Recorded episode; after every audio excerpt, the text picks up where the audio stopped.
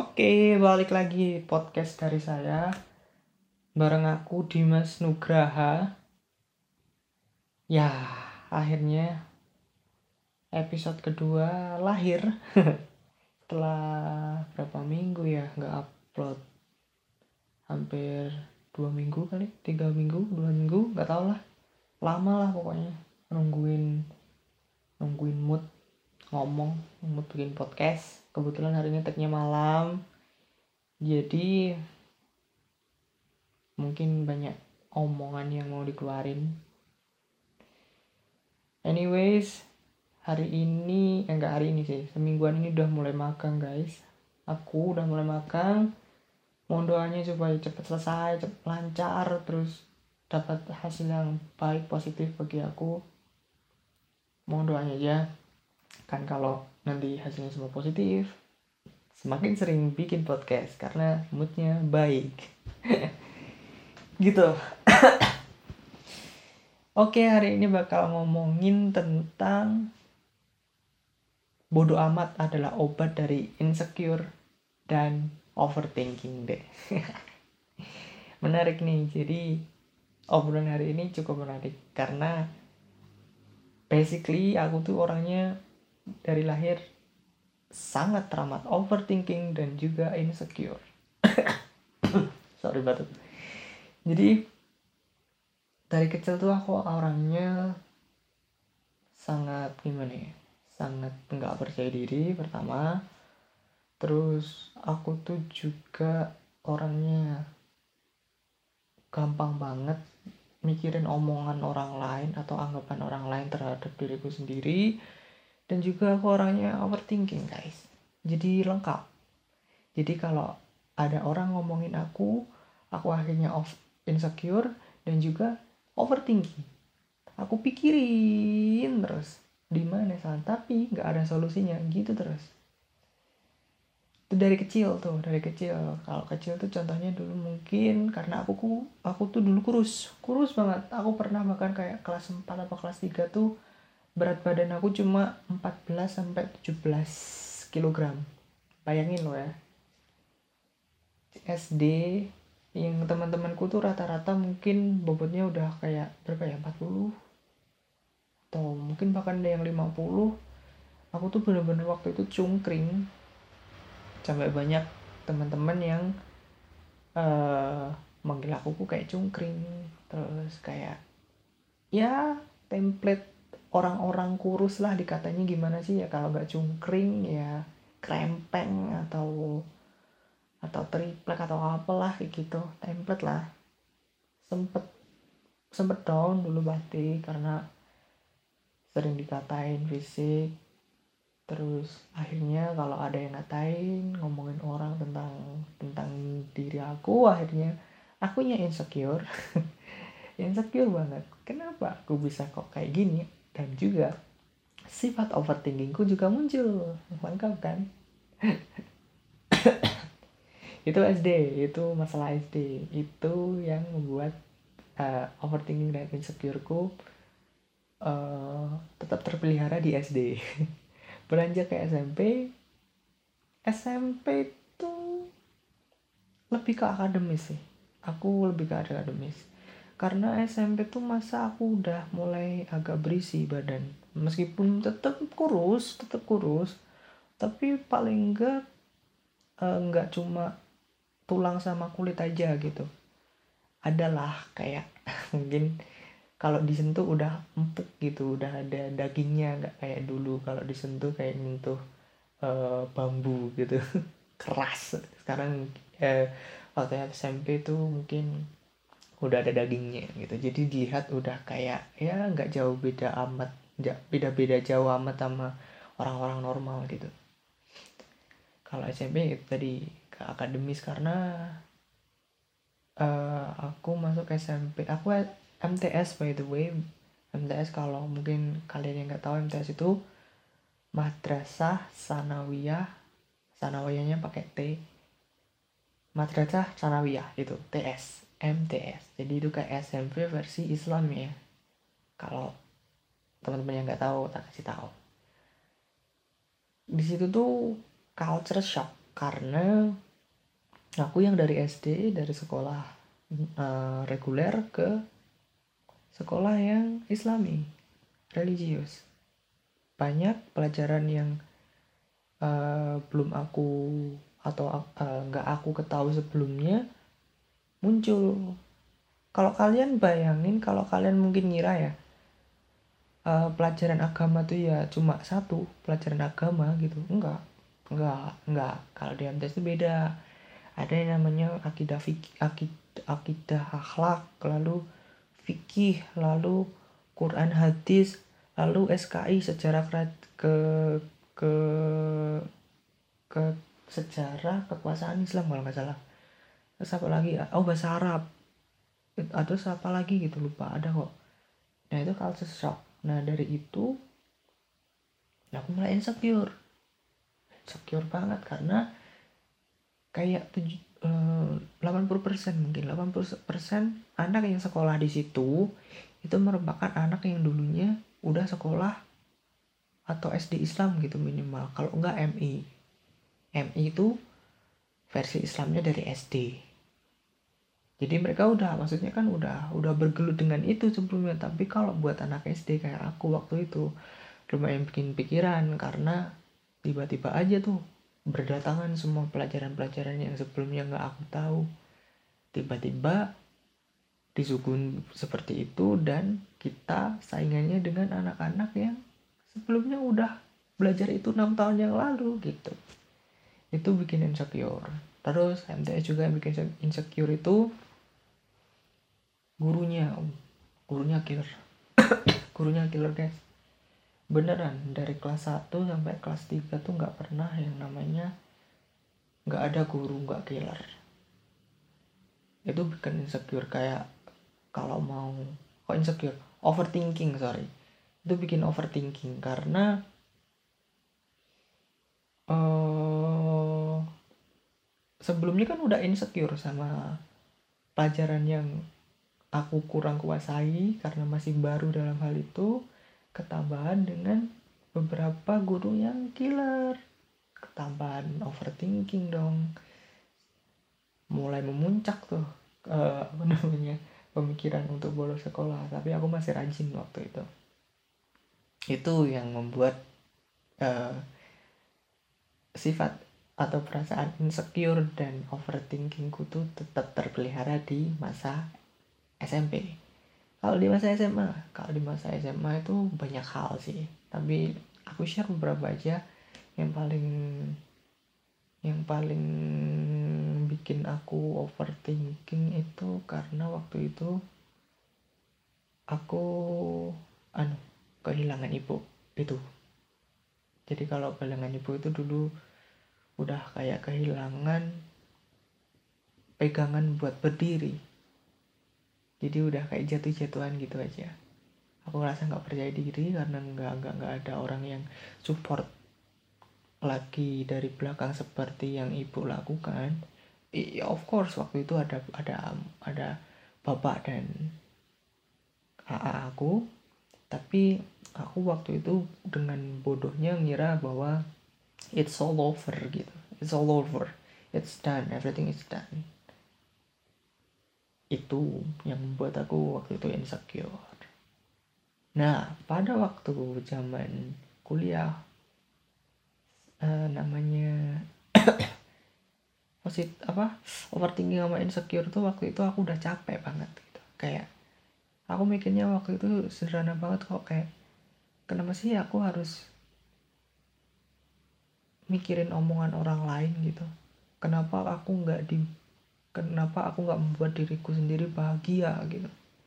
Kenapa aku harus melakukan seperti apa yang orang lain inginkan atau kenapa aku harus melakukan sesuatu sesuai standar orang lain gitu?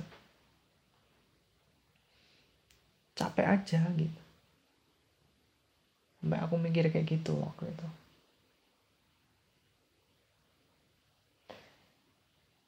contoh simpelnya mungkin ya. Sifatku insecure dan overthinking itu kalau kalau di sekolah kalian mungkin ya ada lorong itu jalan antar kelas gitu biasanya kan ada duduk tuh anak-anak uh, murid-murid di samping kanan kiri. Nah, kalau ke kantin gitu biasanya jalan tuh kita di tengah-tengah kan. Nah, itu tuh aku udah kayak insecure dan overthinking karena aku insecure mikir ya kayaknya aku bakal diomongin gak ya kalau aku gini gini. Terus overthinkingnya setelah itu kalau ada kayak tiba-tiba ke bawah aja gitu keinget aja sampai mungkin 2-3 hari kayak gitu bakal keinget waktu itu aku diomongin gak ya? Waktu itu aku bertingkah aneh apa enggak ya? Kayak gitu sesimpel kayak gitu aja. Hal dah hal simple aja aku pusingin waktu itu. Emang kurang kerjaan di mas ini. Tapi sampai pada waktunya udah kuliah itu aku mulai berpikir untuk untuk udah nggak boleh kayak gini lagi. Umur 18 tahun itu. Itu masa pencerahan sih. Masa masa di mana aku dapat hidayah sehingga aku udah merasa cukup 18 tahun buat memenuhi standar orang lain tentang aku. Sampai aku mikir aku harus bisa bahagia dengan diriku sendiri. Aku waktu itu berpikir sejelek-jeleknya aku sebodoh-bodohnya aku ya atau senakal-nakalnya aku kalau aku bisa nerima diriku sendiri aku nggak peduli omongan orang lain asal aku bahagia kalau asal aku seneng enjoy jalannya ya kenapa enggak aku mikirnya waktu itu kayak gitu. Sampai pemikiran itu itu benar-benar pemikiran yang out of nowhere tiba-tiba datang nggak tahu karena udah capek ya capek selalu mikirin mikirin hal-hal yang nggak penting gitu. Akhirnya aku mencoba untuk bersifat bodoh amat. Itu. Jadi yang pertama waktu itu aku berdamai dengan diriku sendiri. Aku terima segala keburukanku. Kalau aku waktu itu udah uh, waktu itu aku udah nerima keburukanku sehingga kalaupun ada orang lain mau ngomongin A B C tentangku tentang keburukanku ya aku udah nggak nggak masalah lagi karena ya ini emang aku. Aku mikirnya kayak gitu. Terus aku tambahin tuh ini yang paling ultimate nih. Sifat bodoh amat itu itu penting dalam diri kalian kalian mau dikatain kalian nggak nikah nikah sama tante kalian kalian di, mau dikatain kalian nggak keterima di PTN negeri kalian mau dikatain kalian masalah fisik kalian mau dikatain kalian dari keluarga broken home. Kalau kalian udah punya uh, pemikiran untuk love yourself terus bodoh amat tentang omongan-omongan dari luar tentang kalian. You gonna love your life. Hidup kalian tuh bakal indah banget. Hidup kalian tuh bakal nyaman banget. Mungkin nggak akan se se gimana ya se indah di mata orang lain tapi yang kalian rasain tuh bakalan nyaman banget guys karena kalian nggak punya beban kalian nggak harus jadi diri kalian sendiri. Eh kalian nggak harus jadi jadi diri orang lain gitu. Kalian nggak harus jadi orang lain untuk memenuhi standar orang you gonna love your life. You gonna you have to love yourself to to love your life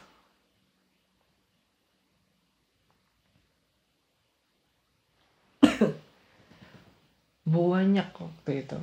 Banyak banget hal-hal yang membuat aku tuh fighting untuk bisa menerapkan sifat bodoh amat dalam diriku sendiri. Karena ya sifat yang udah aku bawa selama 18 tahun kan ya nggak akan serta merta mudah untuk menghilang dalam mungkin satu dua hari atau seminggu.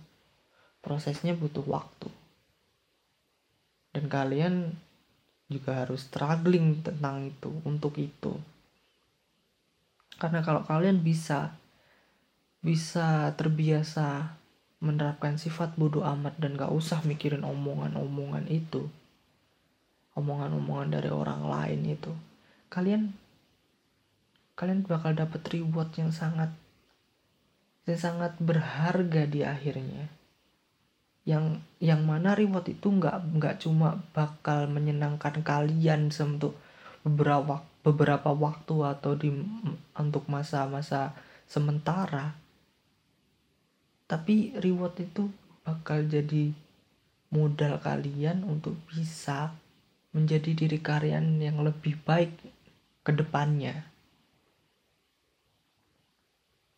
Kalian bisa berubah menjadi seseorang yang lebih mature, seorang yang lebih dewasa. Dan kalian kalau kalian bisa nerapin itu, kalian bakal bakal hidup tanpa beban. Karena kalian akan berpikir kalian yang penting udah kerjain sesuai uh, yang terbaik dari kalian. Terus kalau emang hasilnya kita nggak dapetin apa yang kita inginkan, terus ada omongan dari orang lain, kalau kita udah membentengi diri kita dengan sifat bodoh amat, itu omongan-omongan jelek tentang kita dari orang lain itu bakal mental men. Itu sifat bodoh amat itu bakal jadi perisai yang akan uh, melindungi kalian dari dari omongan-omongan negatif orang lain. Itu waktu aku bener-bener udah bisa uh, menerapkan itu ke dalam diriku ya. Itu hidup rasanya lebih enak jauh demi Allah jauh lebih enak. Kau bayangin deh hidup tanpa mikirin omongan orang lain gitu. Live your life. Nggak perlu ngomongin orang lain. Oh nggak perlu mikirin omongan keluarga besar tentang gimana kuliahnya kok kuliahnya nggak selesai selesai aduh kalau itu kalian mau mau pikirin itu malah bikin kal kuliah kalian tambah lama nggak selesai selesai beneran deh.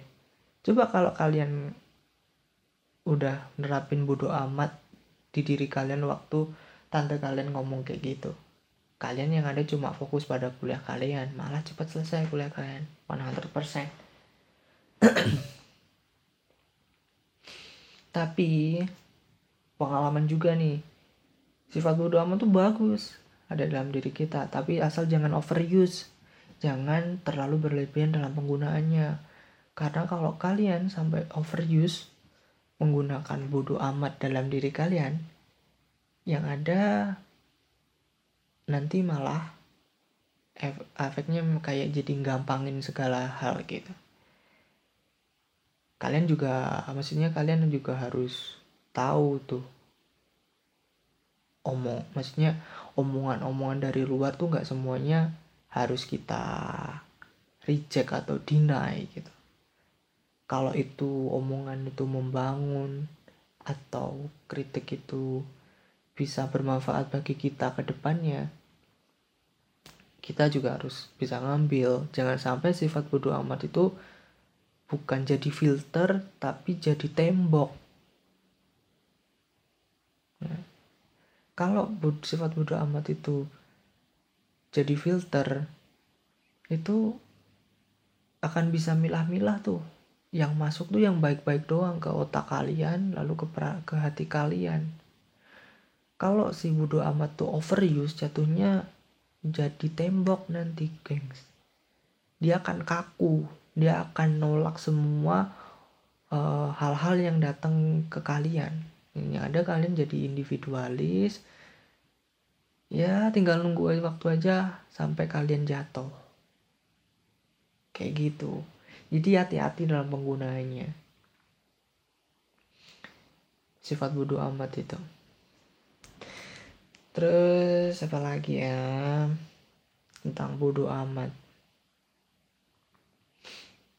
Oh ya periode masa transisi dari uh, apa namanya?